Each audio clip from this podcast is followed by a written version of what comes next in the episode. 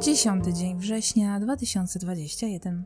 Z codziennym pisaniem, jak i zresztą z nagrywaniem podcastów, jest jak ze wszystkim innym, co wymaga systematyczności. Odpuścisz jeden dzień, później jakoś tak naturalnie wychodzi, że odpuszczasz drugi. Nawet nie wiesz, kiedy robi się z tego cały tydzień. Mój kryzys twórczy raz przychodzi, innym razem odchodzi, ale jeśli nie trzymam się rutyny, wszystko tak jakby w piach.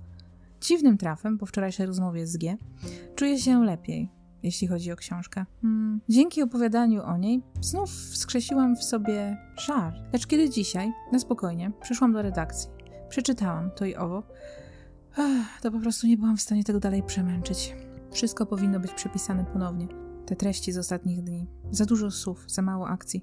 Hmm. Brak rytmu, brak balansu, w mig wyłapuję te wszystkie niuanse i zamiast iść dalej, zostawić to, powiedzmy, zmienić kolor czcionki, fontu, whatever, to męczę się, masturbuję tymi swoimi zdaniami. Katuję wręcz. Mam już pomysł na to, co zacznie się dziać przy końcu. Mam pomysł na to, jak zamknąć wszystkie wątki.